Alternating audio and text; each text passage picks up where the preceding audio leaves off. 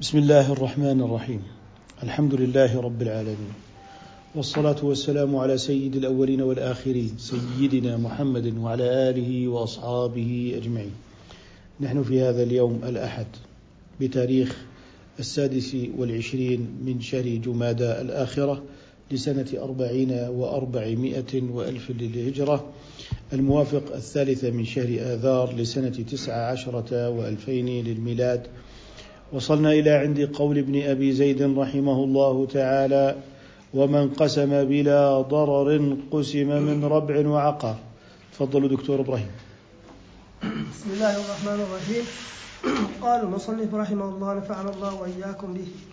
ومن قسم بلا, بلا ضرر قسم من ربع وعقار. وما لم ينقسم بغير ضرر فمن دعا إلى البيع أجبر عليه من أباه. وقسم القرعة لا يكون إلا في صنف واحد ولا يؤدي أحد الشركاء ثمنا. وإن كان في ذلك تراجع لم يجز القسم لم يجز القسم إلا بطراد نعم. الآن يتكلم عن القسمة ومعنى القسمة تمييز حق لينتفع أو لينتفع به كل شريك بحقه الذي تميز له. إذا هو تمييز الحقوق. هذا لك وهذا لك. وهكذا بحيث يأخذ كل شريك حصته ويتمكن بعد ذلك من البيع والتصرف لحصته لا يحتاج في ذلك إلى شريك. فيتحدث هنا عن القسمة فقال ومن قسم بلا ضرر قسم من ربع أي بناء وعقار اللي هو الأرض وكذلك الحيوان. بمعنى ما قبل القسمة شاتان هذه لك وهذه لك. قطعة أرض قسمناها وهذا القسم يعلمه المختصون وخصوصا آه، المعنيون بالقسمة للأراضي من المساحين. بحيث تصبح قطعة الأرض متساوية في كونها تأخذ حصتها من الشارع ومن العمق وما إلى ذلك بحيث تتساوى هذه الحصص. هناك شقتان مثل متماثلتان هذا لك وهذه لفلان. وهكذا في كل ما يمكن أن ينقسم مما تماثلت أفراده. مما تماثلت أفراده. ثوبان الآن أنت تتكلم عن تنميط السلع التي تباع في الأسواق. تنميط يعني ممكن الآلة التي تعطيها المدخلات تقوم بقص هذه القمصان قصة واحدة بحيث تخرج متماثلة تماما. كذلك العجلات كذلك السيارات في عندما تكون جديدة تكون متماثلة تماما بحيث إذا كانت مثلا نوع أول النوع الثاني اللي هو الأصناف التي هي من أصناف هذا النوع من السيارات. وعليه عندما تكون الآحاد متماثلة فتعتبر هي من صنف واحد. نقول عنها من صنف واحد وهي قابلة للقسمة فيأخذ كل شريك حصته. يعني هذه مروحة إذا دخلت إلى المصنع أو إذا دخلت إلى المتجر ستجد مئة مروحة منها. اشترى شريكان هذه المئة مروحة فكل واحد أراد أن يقسم فهذا يأخذ خمسين وهذا يأخذ خمسين. لماذا؟ لأنها جميعا صنف واحد فسهل أمرها. فسهل أمرها. آه، قال وما لم ينقسم بغير ضرر فمن دعا إلى البيع أجبر عليه. يعني نفترض أننا نملك شقة واحدة. هذه الشقة فيها منافع مشتركة. هذه الشقة فيها مثلا مطل أو شرفة واحدة. الآن كيف تنقسم بين الاثنين؟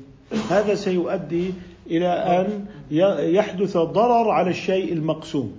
وبالتالي تتعذر قسمة هذا الشيء. لذلك قال وما لم ينقسم بغير ضرر فمن دعا إليه إلى البيع أجبر عليه من أباه. إذا إحنا الآن هذا لا ينقسم إلا بضرر وبالتالي سيارة. ماذا نقسم فيها؟ لا نستطيع أن نقسمها بينهما. وبالتالي سيأتي أحد الشركاء ويقول أنا أريد حصتي وأدعو إلى البيع. فعندئذ تباع السيارة بالنقود تماما ثم يقسم النقد بينهما ثم يقسم النقد بينهما. لذلك نحن عندما نقول بالنسبة لهذا آه، المعين الذي لا يقبل القسمة نبيعه لكن لا نتعجل في بيعه قد يكون عرض تجارة. فإذا بعناه اليوم قبل سوقه فيكون هذا ضرر بالطرف الآخر ربما يريد أحدهم أن يكيد بالآخر. وبالتالي في حالة البيع أنه هذان الشريكان أن يكونا قد اشترى هذا المبيع في صفقة واحدة. اشتريناه معا واشتريناه للقنية. فإذا كان لتجارة فإننا إذا قلنا بالبيع فورا فمعنى ذلك أننا نضر بالتجارة لأن هذه الأسواق لها رواج ولها كساد والسلع لها رواج ولها كساد. فمثلا لو قلنا السلع يعني هناك الملابس الشتوية في أول الشتاء لها رواج في آخر الشتاء لها كساد. حتى هناك بعض المحلات في نهاية فصل الشتاء آه، تقوم بعمل تنزيلات تصل إلى 50% إلى ما كانوا يبيعونه في أول الشتاء بنسبة 100% فبالتالي نحن هنا نلحظ الرواج والكساد للسلع وإذا كان في التعجيل بالبيع فيه خسارة للمتبايعين في بيع هذه السلعة في غير وقتها. فعندئذ نلحظ ملحظ العدالة.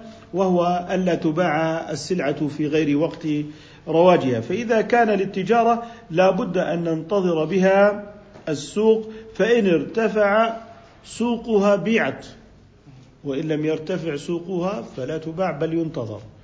بل إيه؟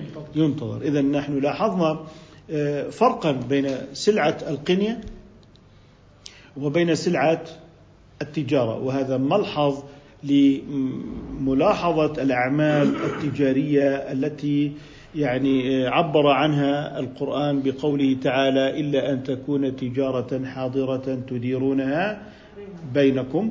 فاغتفر الكتابة لأن التاجر لا يستطيع أن يكتب كل شيء. ولذلك بمعنى أنه إذا أراد أن يبيع سيكتب كمبيالة وسيكتب شيكات. حتى القانون اليوم يكتفي بدفاتر التجار آه، المنظمة على أنها بينات وبالتالي دفاتر التاجر الذي يمسك دفاتر منظمة فإن هذا التاجر آه، تعتبر دفاتره حجة في مواجهة التاجر الآخر فإذا تعارضت بيناته هنا وهناك مع دفاتر التاجر الآخر آه، وكان كل منهما يمسك دفاتر رسمية تهاترت البينات عندئذ ورجعنا إلى العمل بالأصل. اذا آه، ملاحظة الفقه المالكي هنا فيما هو للقنية وفيما هو للتجارة ويقلب في التجارة بقصد الربح آه، ملحظ له جانب اقتصادي له جانب اقتصادي. فالسلعة قد تكون للقنية كالسيارة ولكنها قد تكون عرضا تجاريا في معرض سيارات. وهناك شركاء في هذا المعرض. السيارات المستعملة ليست صنفا واحدا بل هي أصناف مختلفة. فإذا أردت الآن مثلا آه، سوق السيارات يشهد ركودا بسبب ارتفاع جمارك بسبب ارتفاع تكاليف. فإذا قمنا بهذا البيع عندئذ نكون قد أضررنا بالتجار. ولذلك هذا الملحظ التجاري هو ملحظ اقتصادي وبني عليه حكم فقهي. وهنا نلحظ أن الفقه الإسلامي فيه مادة مهمة في علم النفس وفيه مادة مهمة في علم الاقتصاد وفي علم الاجتماع وما إلى ذلك من علوم لأنه هو جوهر الحضارة الإسلامية. وهو مسيرة حياة المسلمين عبر هذه القرون الطويلة.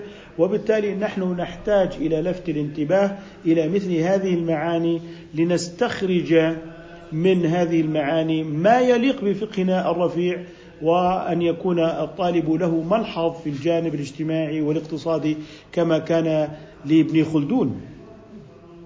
آه، فهو استخرج علم الاجتماع من باطن الفقه الإسلامي في مجال الدولة والفرد والمجتمع والصناع والبيع والشراء والزراعة وما إلى ذلك. فقد قام بعملية تكرير لهذه المادة الاجتماعية وأخرجها لنا في نظرية متكاملة هي علم العمران. وهذا الاسم في علم وعليكم السلام ورحمة الله وبركاته. وهذا الاسم جدير بأن يعني آه، يكون بديلا للحياة المدنية أو للدولة المدنية أو المجتمع المدني إنه إحنا نستخدم مفردة أصيلة متجذرة آه، في فقهنا الإسلامي آه، وهو علم العمران. فنقول مؤسسات مختلفة تقوم بتنظيم الحياة الاجتماعية وتنظيم التبادل التجاري والاقتصادي والمؤسسة القضائية ومؤسسة الدولة في السياسة الشرعية بحيث تكون لنا منظومة مختلفة متكاملة نستطيع أن نقدمها على أنها منظومة شاملة للحياة. ومثل هذه الملاحظات الفقهية التي يلاحظها فقهاؤنا العظام يعني جديرة بأن يعني يتناولها أن يتناولها أبناؤنا يعني الفقهاء القادمون إن شاء الله تعالى بالاهتمام وبالرعاية وبالعناية العلمية وهذا أمر لنا إن شاء الله معه وقفات في المستقبل في الكلية إن شاء الله. اذا آه، أجبر عليه من أباه وقسم القرعة لا يكون إلا في صنف واحد، اذا هذا فيما تماثلت يعني أعيانه وكانت صنفا واحدا كقمح كحديد كاسمنت. آه، وقد لفتنا الانتباه إلى مسألة تنميط الصناعة آه، على ما بيناه سابقا. ثم قال ولا يؤدي أحد الشركاء ثمنا فإذا كانت القسمة لصنف واحد متماثل فلماذا تريد مني تعويضا زائدا؟ يعني نفترض أن هذه الثياب قصة واحدة واقتسمنا هذه الثياب فطلب أحد آه، الشريكين زيادة نقدية على هذه القسمة يأخذها له نقول له طالما أنها من صنف واحد والجميع صنفا واحدا عندئذ نقول لك الصنف الواحد هذا الصنف آه، لا يجوز لك أن تأخذ زيادة على غيرك أو على أو من شريكك. ثم قال: وإن كان في ذلك تراجع لم يجز، لم يجوز، إذا آه، إلا بتراض. لا يجوز إلا إيه؟ إلا إحنا متراضين يعني مثلا أنا عندي ثياب عندي نحن شركاء في ثوبين. في ثوب قيمته على سبيل المثال قيمته عشرون دينارا. وهناك ثوب آخر قيمته عشرة دنانير. وكلانا نملك هذين الثوبين.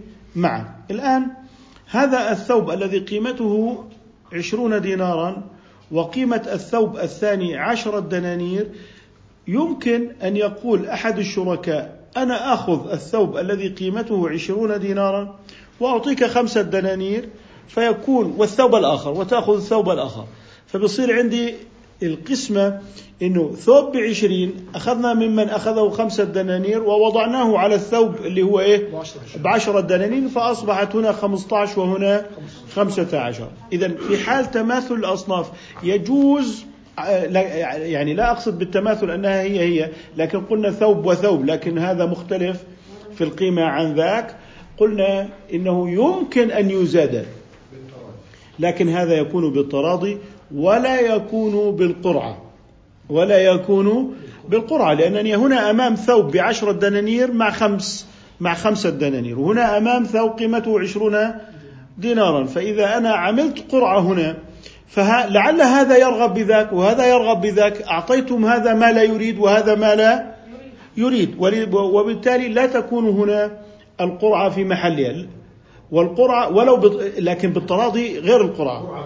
ولو القرعة بالتراضي لأنه سيأخذ كل واحد منهم ما لم يكن يريد لكن إحنا لما عملناه بالتراضي دون قرعة لذلك هنا قوله لم يجز القسم إلا بتراضي.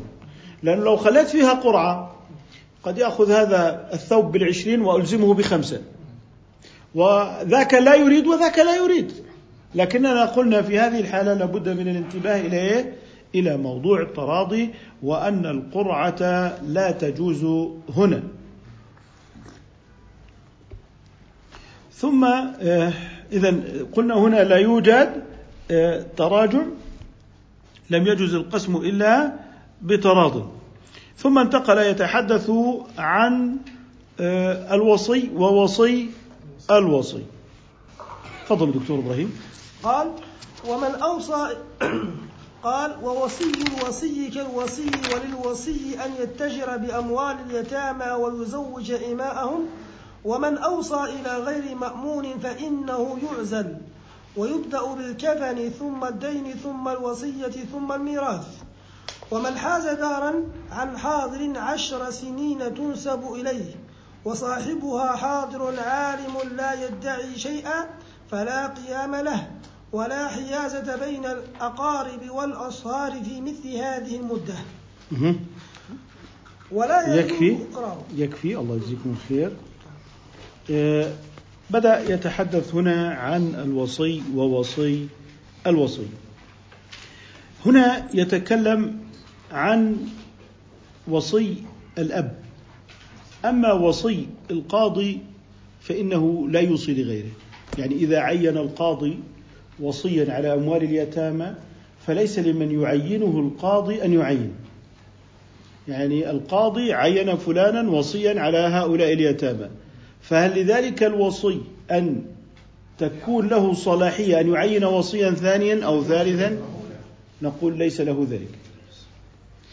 طيب لما يتكلم هنا عن وصي الوصي إنما يتكلم عن وصي الأب. وصي الأب أو وصي وصي الأب. أو وصي وصي الأب. يعني لوصي الأب أن يوصي أيضا. يعني رجل أوصى أن إن أن أمر تزويج بناتي تزويج بناتي هو لفلان. الآن مات هذا الأب. فأوصى فلان الوصي بأن يكون أمر تزويج بنات فلان المتوفى لفلان. فتنتقل هنا لأنه إحنا مع انتقال وصية الأب. القاضي ليس كالأب. الأب عندما يختار وصيا على أبنائه وبناته فإنما يعني يكون قد وضع فلذة كبده بين هذا الوصي. وهذا ما ليس عند القاضي من الشفقة والرحمة فكان للأب ما ليس لغيره. وكانت عناية الأب بهذا الوصي عناية فائقة بحيث إنه أوصى مثل هذه الوصية.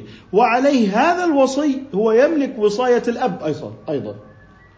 هو يملك وصاية الأب فله أن يوصي غيره أن يكون وصيا على وصاية ذلك الأب. اذا هنا يتكلم لما يتكلم عن وصي الوصي لا يتكلم عن الوصي الذي كلمه كلفه القاضي. إنما يكون عن وصي الأب هو الذي له أن يوصي هو الذي له أن يوصي. ولا وصية للأم. يعني الأم لا توصي لأبنائها بتزويج أبنائها أو بناتها لفلان أو فلانة. لكن للأب أن يوصي بالتزويج للأم. يعني الأب يعرف أن زوجته هي أم هؤلاء أو ليست أمهم أو تكون أجنبية أصلا عنهم له أن يقول إن هذه المرأة هي وصية على بناتي وعلى أولادي. فتصبح هنا الوصية اللي هي وصية المالية أنه الشخص يقول بعدما أموت يكون مالي لفلان. الوصية النظرية اللي هو النظر في مصالح المتولى عليهم في مالهم وفي تزويجهم وفي أمورهم.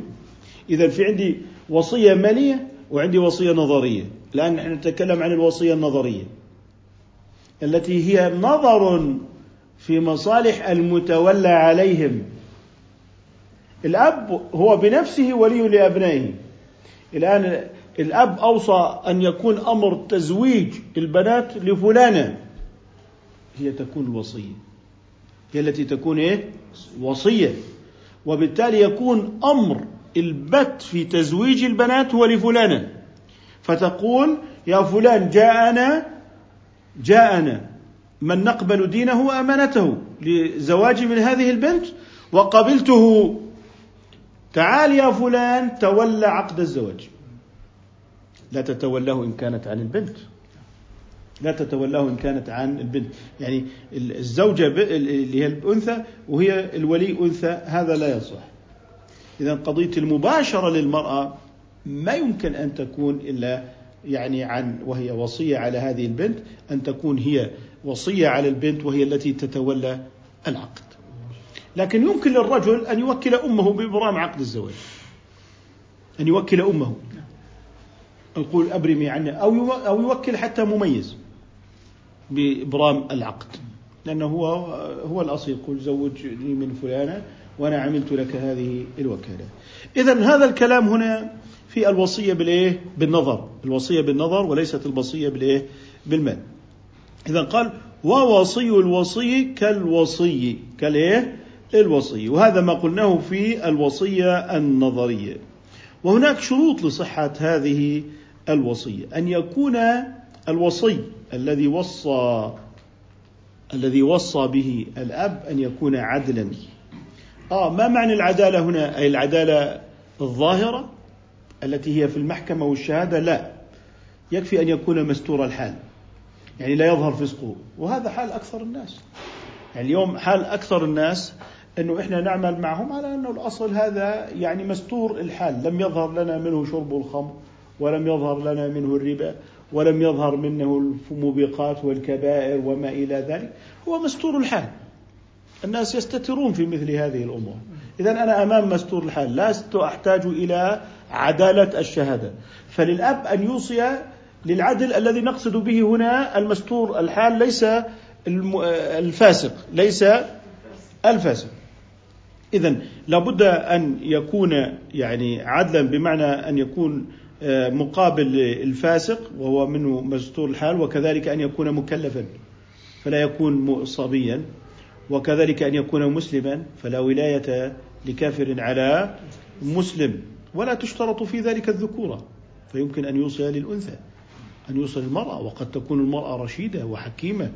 وهنا يعني في توسع في موضوع اللي هو الوصي عندما يكون امرأة وأنت ترى في المجتمع نساء حكيمات. وهن يعني أفضل في إدارة شؤون الأولاد والمرأة من آه، غيرهن من الرجال.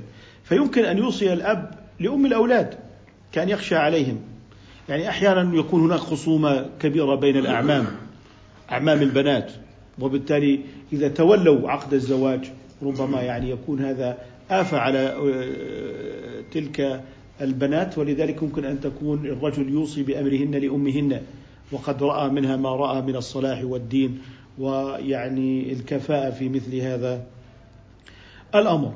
إذا آه، عندنا آه، نقول بالنسبة للوصي لا يشترط فيه الذكورة إذا قلنا بالنسبة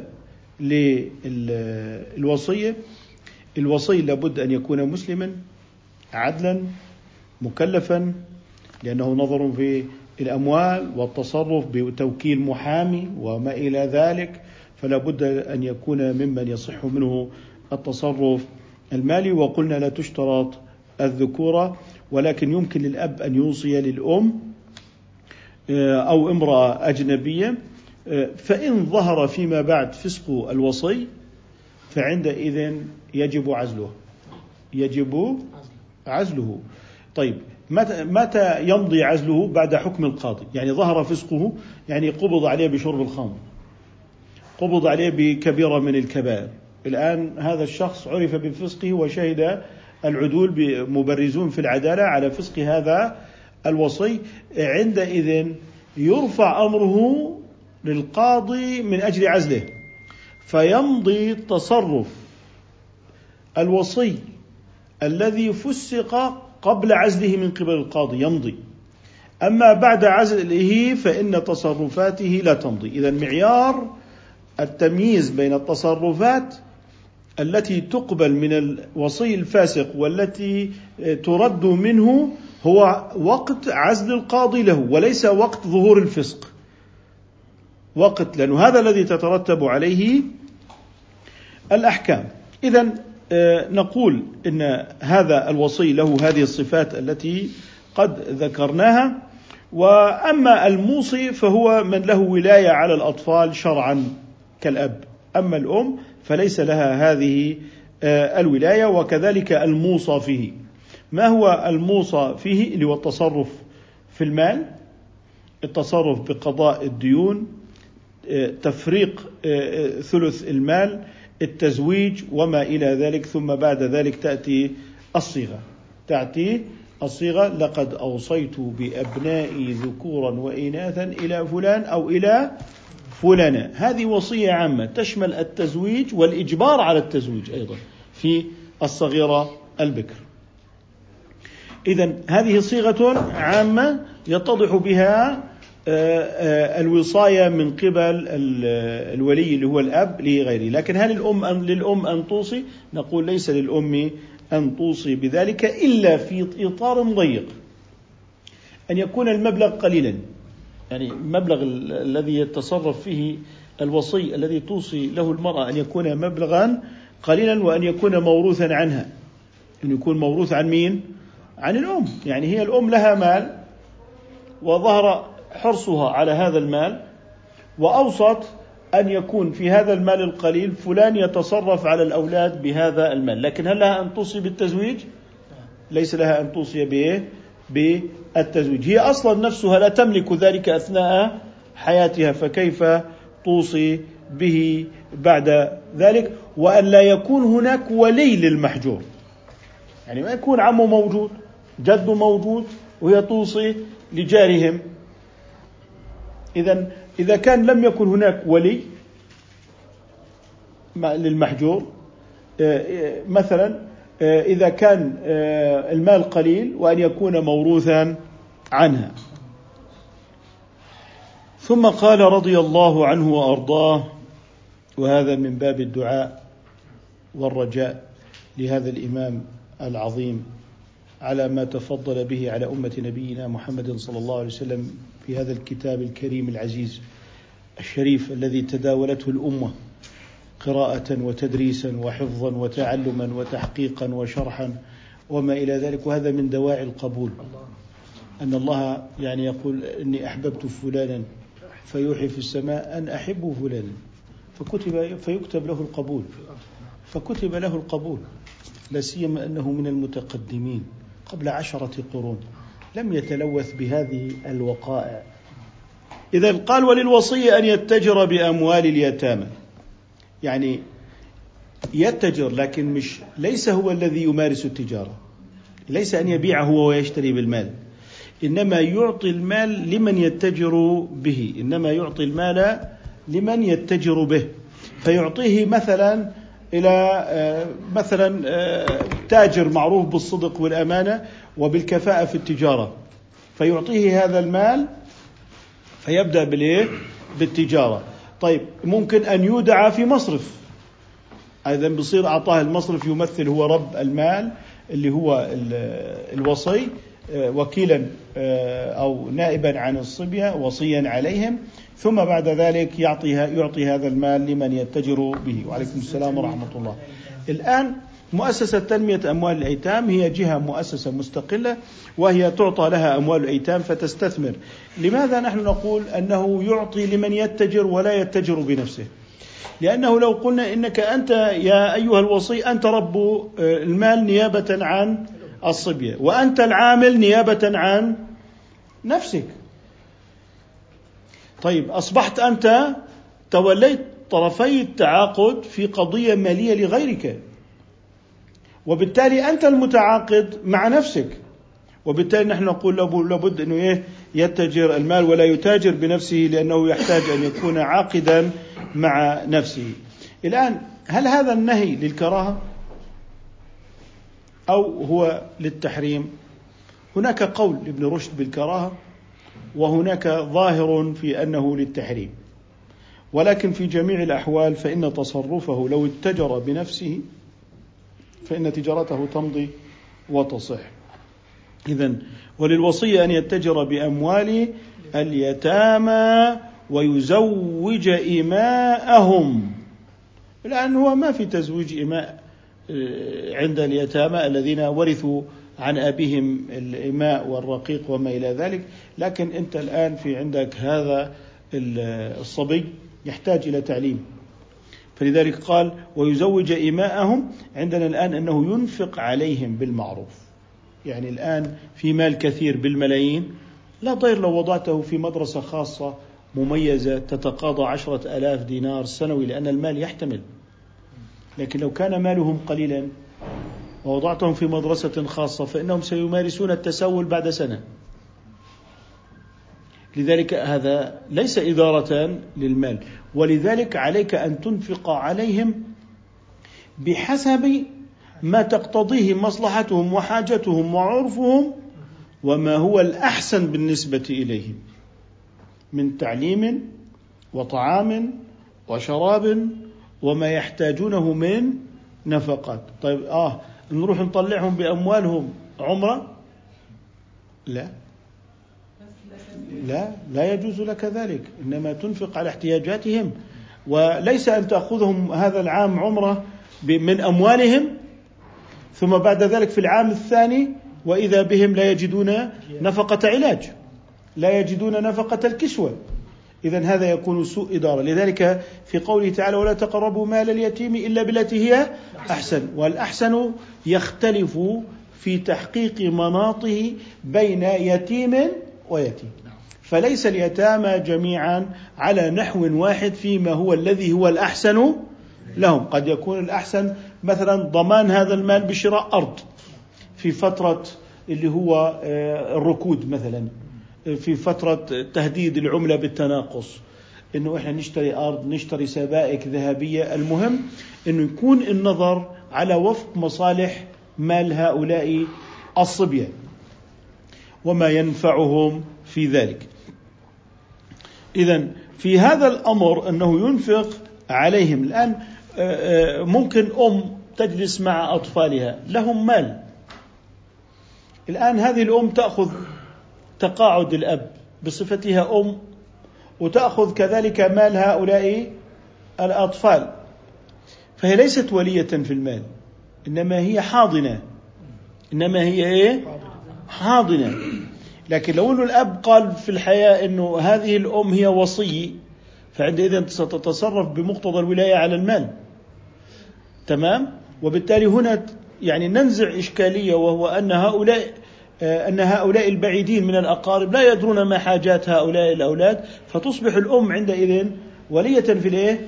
في التصرف على الأبناء. ومن ثم هي تنفق عليهم بحسب ما يعني آه، تعلمه منهم. وكذلك يجوز للأم أن تأكل معهم حتى ولو كان من أموالهم. يعني مثلا امرأة مرة كانت تسأل وهذا والحمد لله إنما يعبر عن آه، النساء الصالحات اللواتي يجب أن يتحدث بفضلهن وخلقهن وهن مغمورات لا يعرفهن كثير من الناس. كانت تسأل أنا يأتيني آه، يعني آه، تقاعد من خاص بي أنا؟ ويأتي أيضا تقاعد من الأب المتوفى لهؤلاء الأبناء كل ولد له حصة. لكن أحيانا أنا عندما يأتيني الضيوف أقدم ضيافة لكن من مجمل هذا المال. من مجمل هذا المال. فهل يحق لي أن تكون هذه الضيافة التي أنا آكل منها ويأكل منها الضيف ويأتون لزيارة هؤلاء الأبناء؟ فهل يجوز لي أن أتصرف بهذا التصرف؟ عندئذ نحن نقول أنه لوصي اليتيم أن يأكل من مال اليتيم بالإيه؟ بالمعروف بالمعروف. وهذا طبعا إذا كان المال له بال أما حيث لم يكن له بال فعندئذ فإنه لا يأكل. فإنه إيه؟ لا يأكل. يعني إذا كان المال مئة يعني إذا كان المال مثلا 200 دينار هذا تأكل منه؟ لابد أن يصانع عندئذ مال اليتيم.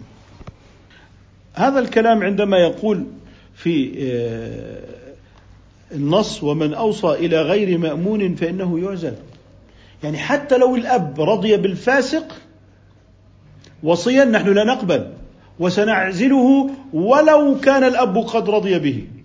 طب ليه؟ نفترض أنه هذا الفاسق على سبيل المثال احتجنا فيه إلى حلف يمين احتجنا فيه إلى بينة إلى شهادة. هل تقبل شهادته في أموال الصبية؟ لا تقبل لأنه فاسق. وبالتالي نكون قد افتقرنا إلى البينات بسبب فسقه.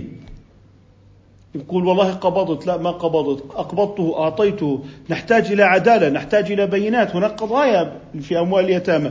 فإذا لم يكن عدلا ستهدر أقواله ستهدر بينته لأنه ليس عدلا. طيب وحتى لو رضي الأب نحن سنحمي الأبناء ولو لم يرضى الأب.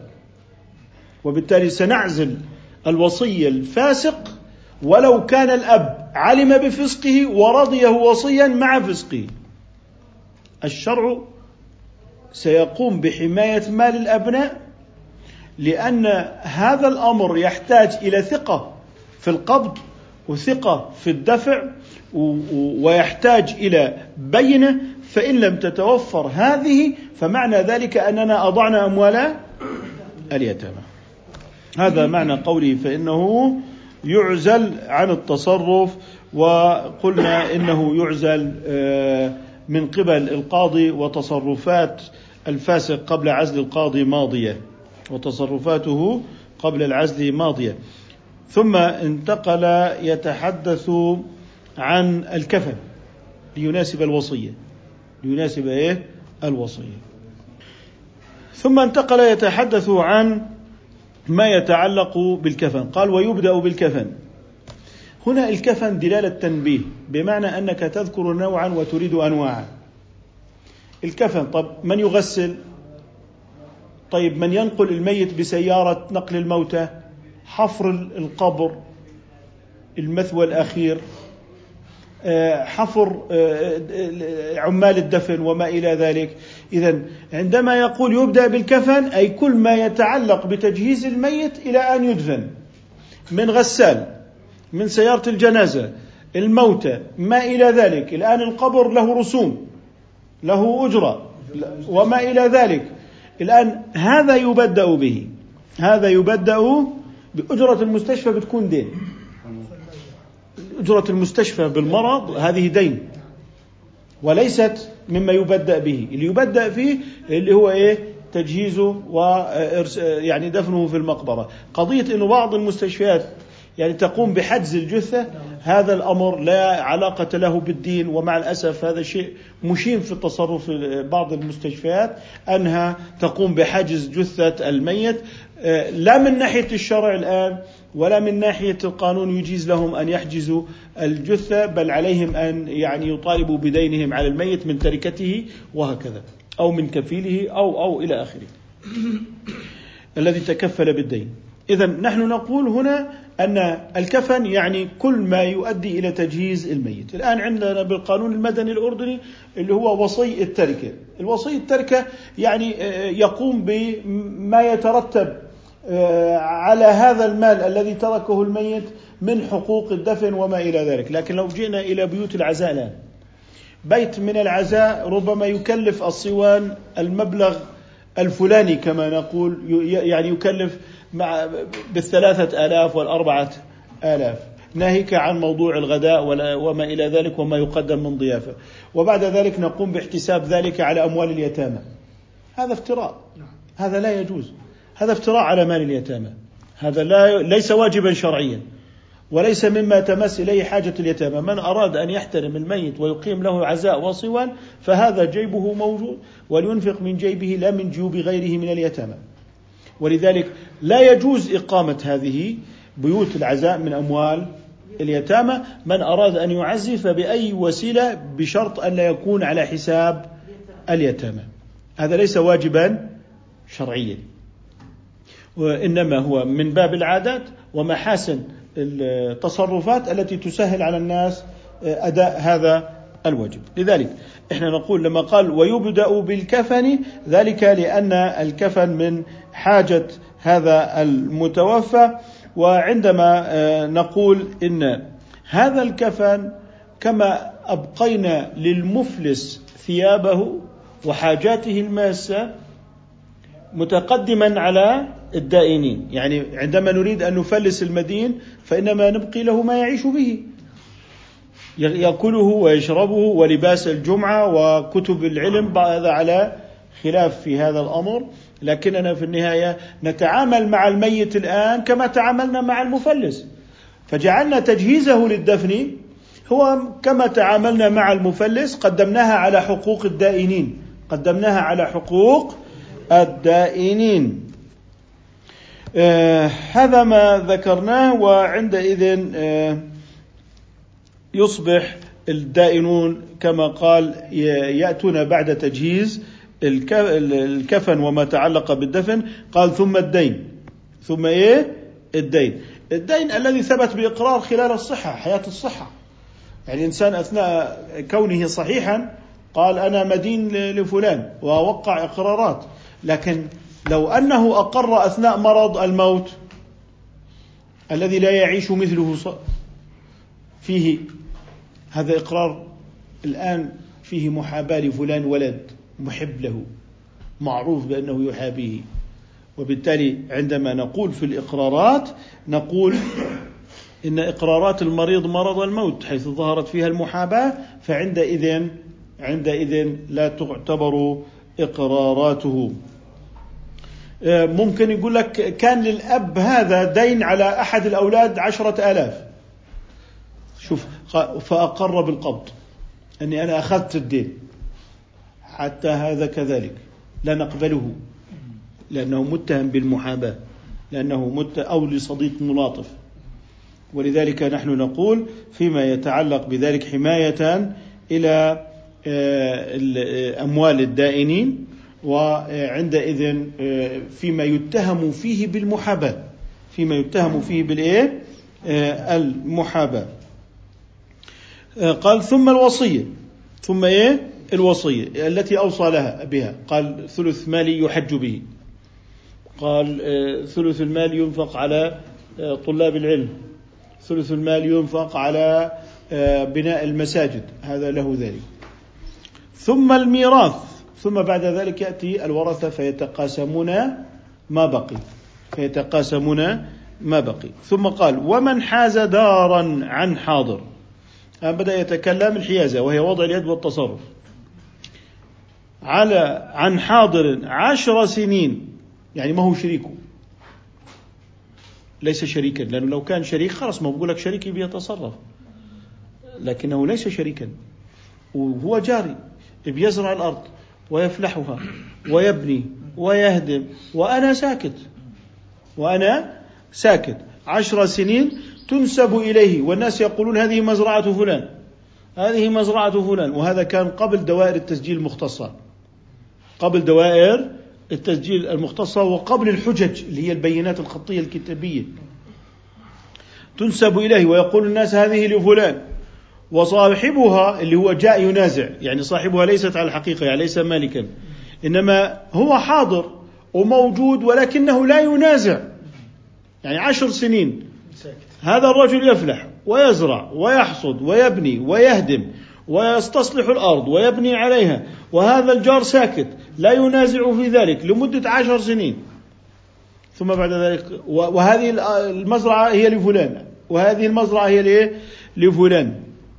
فعندئذ آه، جاء هذا بعد عشر سنين وقال هذه لي. قال هذه لي. إذا لو أتى ببينة لا تسمع. لو أتى ببينة لا تسمع.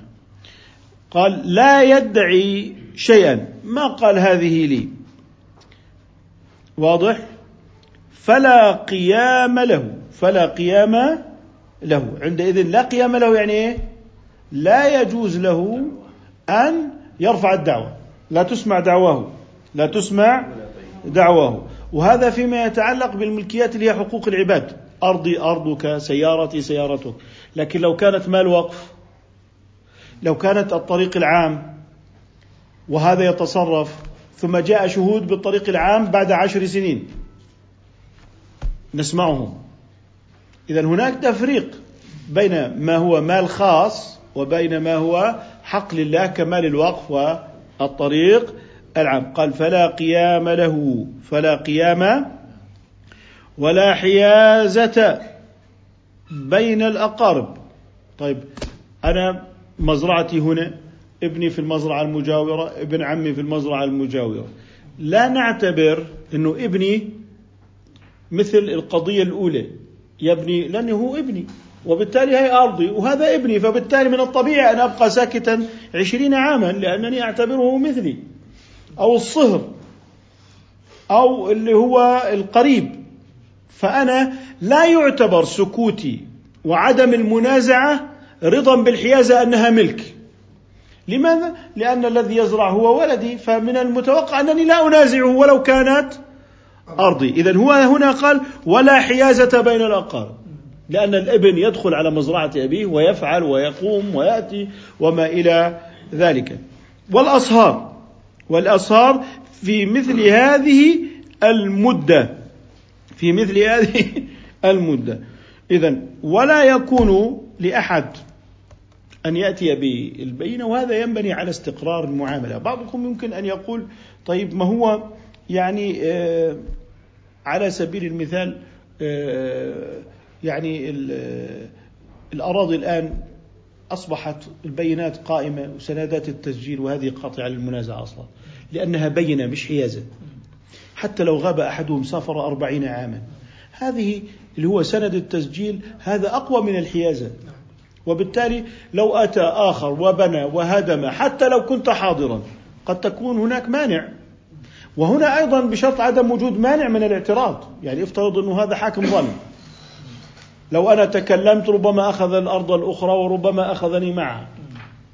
وبالتالي إذا كان هناك مانع فعندئذ لا يعتبر ذلك إقرارا ورضا بأنه يتصرف هذا الشخص تصرف المالك في هذه الأمر.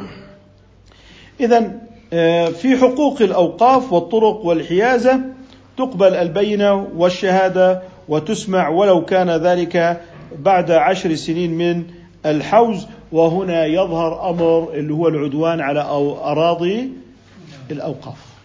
العدوان على أراضي الأوقاف. فلذلك آه، آه، يعني نفسخ العقود التي جرت على أراضي الأوقاف وإذا ثبتت أنها وقفية وعندئذ لا تعتبر هنا الحيازه آه، بينة لك على أنك تملك لأن هذا مال الله سبحانه وتعالى. وبعد ذلك انتقل قال ولا يجوز إقرار المريض لوارثه آه خلصناها. قال ولا يجوز إقرار المريض لوارثه بدين له في ذمته.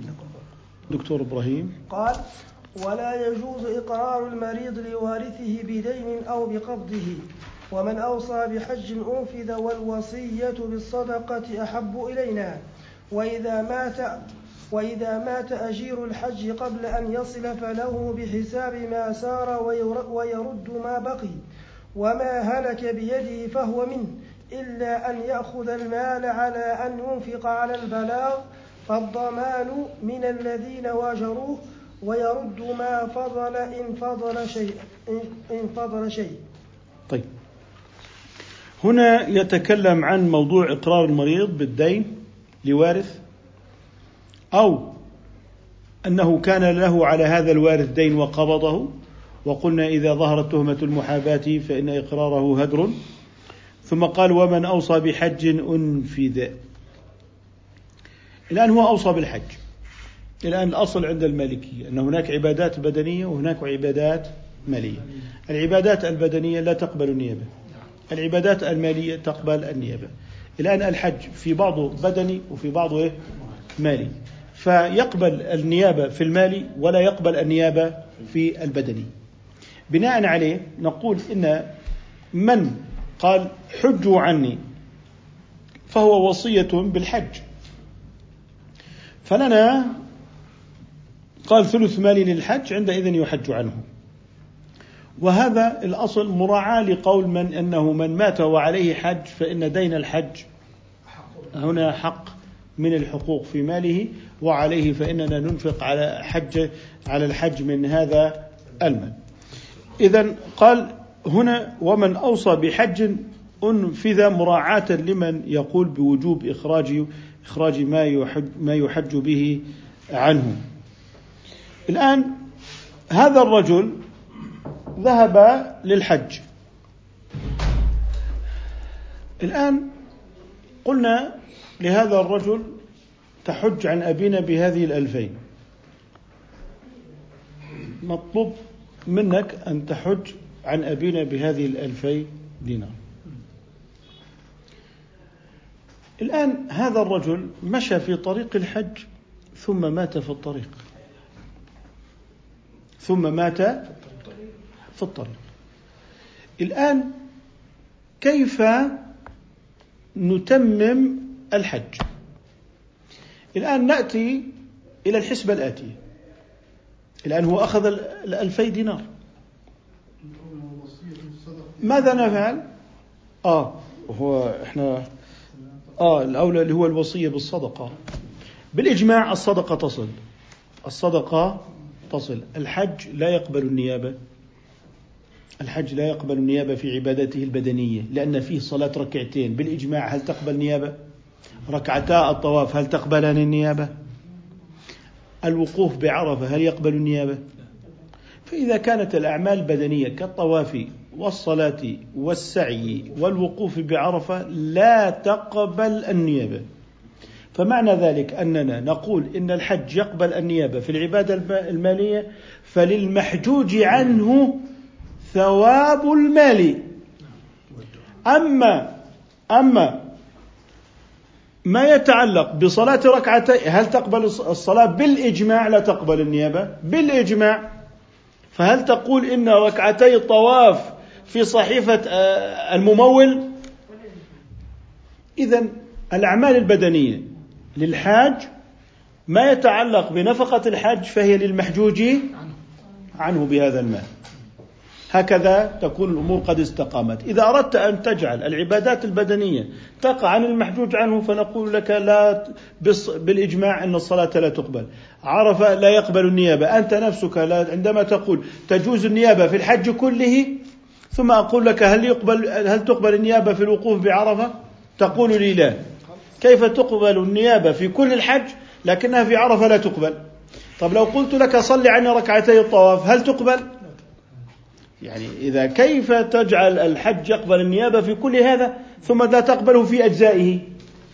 إذا نحن نقول الأعمال البدنية تقع للحاج وما يتعلق بالنفقة المالية تقع للمحجوج عنه وهنا قلنا إن أفضل ما يمكن أن يفعل عن الميت هو الصدقة بالمال. أفضل من قراءة القرآن. لماذا؟ لأن قراءة القرآن عبادة بدنية. هل تقع فيها النيابة؟ الإمام الدردير قال الأقيسة عندنا لا تقع النيابة في هذا ولكننا نرجو فضل الله معتمدون على الفضل وليس على إيه؟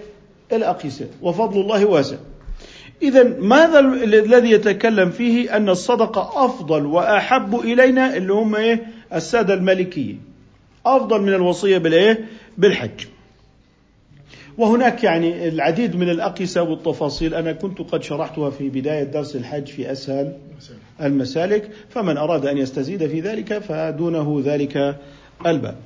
قال وإذا مات أجير الحج قبل أن يصل فله بحساب ما سار يعني نأتي إلى هذا الشخص قلنا له هذه ألفا دينار تحج بها عن أبينا. فأعطيناه الألفي دينار وسار في طريق الحج فمات. مرض ما استطاع يكمل. طرأ طارئ جنة. كما تحب. طرأ مانع من الإكمال. الآن كيف نفعل؟ نأتي إلى هذه الحسبة. ما نقول كم أنفق؟ لأن الرجل أخذ المال على أن يحج. ما أخذه على أننا ننفق عليه في الطريق. فأخذ المال على أن يحج. الآن نقول بكم قيمة الحج من منطقة مكان البدء الذي بدأ منه الحج الذي توفي إلى حين العودة؟ قالوا والله قيمتها كما قلتم مثلا ألف دينار. طيب لو أردنا أن نبدأ الحج من النقطة التي مات فيها ذلك الرجل الذي ذهب يحج عن أبيهم. كم تساوي؟ قالوا ألف وخمسمائة. ألف وخمسمائة. إذا ماذا نقول؟ تطرح خمسمائة من الألفين ونأتي لشخص آخر نقول هذه الآن هذا الرجل الذي مات يستحق من المبلغ كم؟ خمسمائة. يستحق من المبلغ كم؟ خمسمائة. لذلك هذا قال وإذا مات أجير الحج قبل أن يصل فله بحساب ما سار. فله بحساب ما سار وهو ما قلناه في هذا الأمر. ويرد ما بقي. اللي ظل مع المبلغ اللي ضايل بيرجع وما هلك بيده فهو منه. ضمان عليه. ضمان عليه. لأنه هو عقدنا معاه معاوضة. ليس هو مستودع أمين بمعنى أنه محسن ويعمل معروفا. إذا علاقتنا معه معاوضة. إلا أن يأخذ المال على أن ينفق على البلاغ فلا يستحق شيئا. قال إلا أن يأخذ المال على أن ينفق على البلاغ فالضمان من من الدين من الذين واجروه اللي هم آجروه بعضهم قال هاي واجروه يعني قلب الهمزة واوا زي ورخ وولها ألها إلى آخره. ويرد ما فضل إن فضل شيء. يعني أنا بعطيك كم بكلف الحج أنا بعطيك فلوس قلت أنا دفعت المثل لكن ظل علي كمان 500 حتى أكمل المناسك. بقول لك تفضل هي 500 طيب أنا آه، زاد عندي 200 بقول لك رجع لي 200 يعني أنا بنفق عليك في طريق الحج. الآن أنا بعطيك بقول لك حج وهي الفلوس عندك. اللي بيزيد بيرجع لي. وإذا نقص أنا بكمل لك. إذا نقص أنا أكمل لك. عندئذ أكثر الناس اليوم ماذا يفعلون؟ يقول لك أنا أعطيني ألفي دينار وأحج عن أبيك. أنت لست مسؤولا عن شيء. ما زاد فهو لي وما نقص فعلي. هذا الحال الذي هو يدرج عندنا في آه، في ديارنا الأردنية. جائز؟ جائز. جائز نعم. جائز. لماذا لماذا فصل المسألة والمذهب خلافه؟ إيه هو إيه لا هو بقسم حالتين. هو بقسم إجارة الضمان وإجارة البلاغ. لكن فصل الحج والمسألة خلافا إنه إيه بناء على أنه يجوز مراعاة الخلاف لا هو في في عندنا قضية. إنه الحج يقبل النيابة في الجانب المالي. ولا يقبل النيابة في الجانب البدني. فما هو الوصية من من أوصى بمن يحج عليه حج عنه ويدفع المال. تماما مراعاة للخلاف. لمن أوجب أن يحج من المال في من لم يحج. آه. وطبعا فيها تفاصيل كثيرة في النيابة في الحج. آه لاحظ أنه المذهب لما بتقول أنه الأصل بالقياس لا يجوز ولكن المذهب راعى الخلاف وقال بأنه يجوز لكن بناء على قولنا يجوز. ماذا نقول؟ جاز في المال ولم يجوز في البدن. فالبدني للحاج والمال للمحجوج عنه. ويستفيد الحاج أنه حج وعمل صالحا لنفسه ويستفيد صاحب المال أنه كان سببا في هذا في هذا الحج. و... لا يسقط حج الفريضة لو حج عنه أهل الأرض جميعا. ولو حج عنه أهل الأرض جميعا. ونكتفي بهذا القدر إن شاء الله تعالى. سبحانك اللهم وبحمدك. نشهد أن لا إله إلا أنت. نستغفرك ونتوب إليك.